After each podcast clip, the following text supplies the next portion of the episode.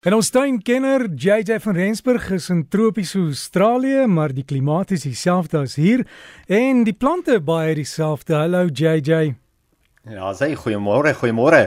Janie is 100% reg, dit is lekker tropies hierso, maar die aande is maar nog steeds koud, hoor. Mense dink jy gaan nou in 'n warm aand bly, maar nee, die aande is maar lekker koud. Ons sit dan nou nie in die minus of in die nulle nie. Maar ja, nee, dit is soos jy sê, dit is tropies maar baie lekker. Ek het ook vroeër gesê mense is nou in die seisoen waar daar verskriklik baie blare is. Moenie weggooi nie, maak kompos, nê? Nee?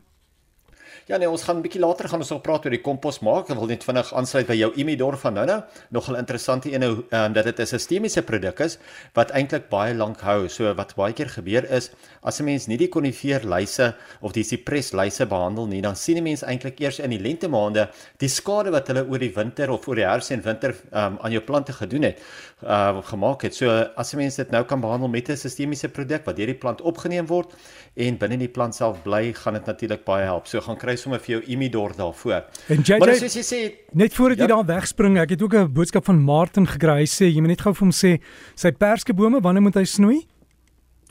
Perskebome gaan ons gewoonlik in die middel van die winter snoei. So ons doen dit gewoonlik so tussen Junie en middel Julie. So uh Junie self en dan middel Julie is 'n goeie tyd om al jou vrugtebome self te sny. Te snoei en dit gaan nou veral oor jou steenvrugte en jou bladwisselende vrugtebome. So ons sal bietjie later sal ons ook weer daarna kyk. So vir nou kan jy nog eers ontspan. Geniet nog eers die herfsmaande, maak maar skoon om die plante. Gooi nog steeds nat. Maak seker dat jy nog steeds jou plante ten minste een keer elke sê week of so nat gooi al het hulle hulle blare al verloor. Maar moenie ehm um, ek gaan eintlik net praat oor die benatting of oor die watering van plante. So kom ons kom ons sê snoeiwerk vir die perskebome. Ons kan dit doen in Junie en Julie. Uh en jy wil dit eintlik nie te laat na dit sê die middel van Julie doen nie want as dit vroeër in die uh, lente gaan warmer word, dan gaan jou plante ook vroeër begin bot. So vir daai rede wil mense nie te laat wag nie. Jy weet met baie van jou plante soos met jou rose, kan jy nog bietjie wag. Jy kan hulle bietjie later snoei, maar met jou vrugtebome wil jy hulle definitief vroeër as later snoei. En JJ, jy wou gesê het Laat sy die winter het baie vinnig oor 'n groot gedeelte van die land gekom. En jy sal moet vinnig spring om jou plante toe te maak as jy dit nog nie gedoen het nie. Met die koue wat meer van die kante af kom as van bo af kom, is dit belangriker om jou plante ook aan die kante toe te maak as bo op. Almal wil mos altyd weet waar maak ek my plante toe. So is beter om dit op die kante toe te maak of meer belangrik om dit op die kante toe te maak as bo-op. Nou daar's twee hoofprodukte wat ons kan gebruik. Ek weet deesdae sê hulle tot op as mense na al hierdie verskillende video's op waar ook al kyk, dan sien jy hulle gebruik sommer van daai deurskynende plastiek wat hulle om die plante draai, maar ongelukkig ja, ek hou nie baie van die deurskynende plastiek nie want as die wind hom gaan vang en hy gaan hom ruk, dan gaan hom heeltemal in stukke ruk en jy gaan nie eens daarvan weet nie. Twee hoofprodukte wat ons kan gebruik. Die eerste een is natuurlik jou natuurlike hessian en die tweede een is 'n fyn gewefte rypdoek. Nou die eerste hessian of gooiing soos ons dit ook ken, is die digste. So as jy in 'n baie koue area bly waar ryp en swart ryp gewone voorkom, sal ek definitief definitief die hessian aanbeveel. Dit is belangrik om die hessian deur die warmer dae af te haal om genoeg lig deur te laat sodat die plante nie skielik in donker skaduwee is nie. Gelukkig is hy nie so dig dat hy nie lugbeweging kry nie, maar lig is baie belangrik. So, ja, ek sou gesê dit is ongelukkig die enige negatiewe met hom. 'n bietjie moeite wat 'n mens het om elke dag eintlik dan die plante oop te maak. Maar baie van die mense wat in daai koue gebiede bly, het ook 'n tuinier wat gewoonlik elke dag inkom en dan kan hy maklik oop en toe gemaak word. Die tweede een is natuurlik die rypdoek soos ek nou net gesê het. Mense kry die rypdoek deesdae nie net meer in die wit soos ons dit altyd gekry het nie, maar ook in 'n sagte groen. Jy kry ook 'n dunner sowel as 'n dikker rypdoek. Uh so kyk maar wat jy koop of dit nou die 20 gram per vierkante meter of die 30 gram per vierkante meter is. Natuurlik hoe dikker hy is, hoe meer beskerming gaan 'n mens kry. Rypdoek is ook baie ligter as die hessian. Hy laat jou natuurlike lig deur en is ook hoekom dit nie nodig is om die rypdoek dan elke dag af te haal nie. Nou is die groot vraag, hoe gebruik 'n mens dit? Nou enige blare wat aan die rypdoek of aan die hessian sou raak, kan steeds deur die koue gebrand word.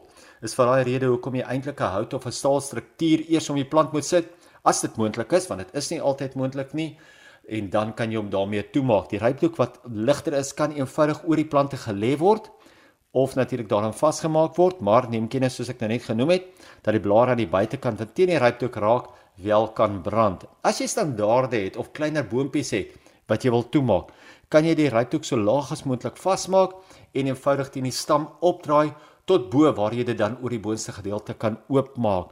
Ek sê nog altyd as jy die ryptoek gaan gebruik, kan jy dit selfs dubbel of drie dubbel dik oor die plante sit waar dit baie koud is.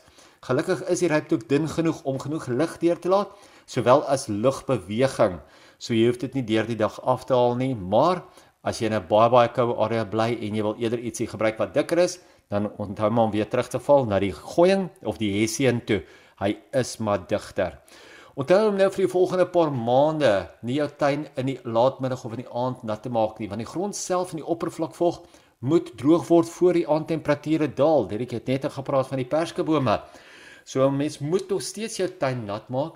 Uh ek sou nie ek sou ook deesdae glad nie tuin gemaak het sonder 'n lekker dik leklaag om die plante op die grond te gooi wat die vog terughou, maar ook die wortels warm hou in die winter nie kyk bietjie uit vir daai deklaag. Al gebruik jy grasnysels, al gebruik jy 'n deklaag wat jy koop by 'n kwekery, al gebruik jy houtsnippers, snipperstukke, baie baie goed.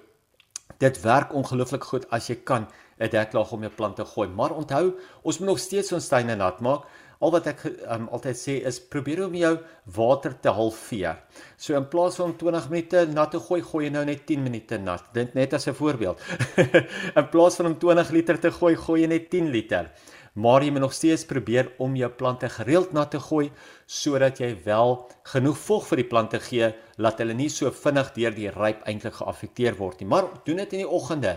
Enige tyd voor 12:00 gewoonlik in die dag is 'n goeie tyd om dit te doen, want dan ontdooi jy sommer die plante en hulle kry genoeg vog vir deur die winter. Môre is natuurlik Moedersdag en ja, jy kan jou vrou en jou ma met die pragtige potplante bederf. Nou het sê jy na buitensy se salies rose of pragtige hibiskusse kyk daar is so baie gaan stappietjie in 'n kwekery rond of natuurlik jou binnensy se kalla lelies ons ken dit mos as die gekleurde varkore die kalla lelies kurkumas of selfs die pragtige begonia soos ook baie mooi in blom en lyk ook mooi op die oomblik. Soos hy spesiaal is wat jy vir jou vrou of vir jou ma wil kry, gaan kyk bietjie in die vorm van mooi plante. Dit is beskikbaar.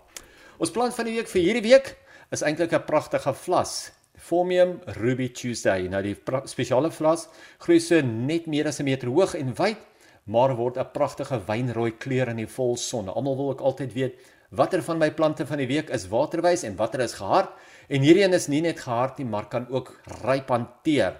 Sodra hy mooi gefestig is, sal hy ook waterwys wees.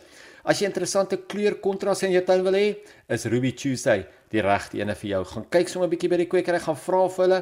Ek sit weer eens vir ons al die besonderhede op Facebook. JJ wat so lekker uh, tuin maak daar saam met ons. Wel, jy het nou al die raad gekry. So gaan pas dit toe en geniet jou tuin. Partykeer het mense al hierdie harde werk wat jy insit en jy gaan sit nooit in jou tuin nie. Maak tyd en geniet 'n bietjie sonskyn saam met die bytjies en die voeltjies en lekker tuin maak.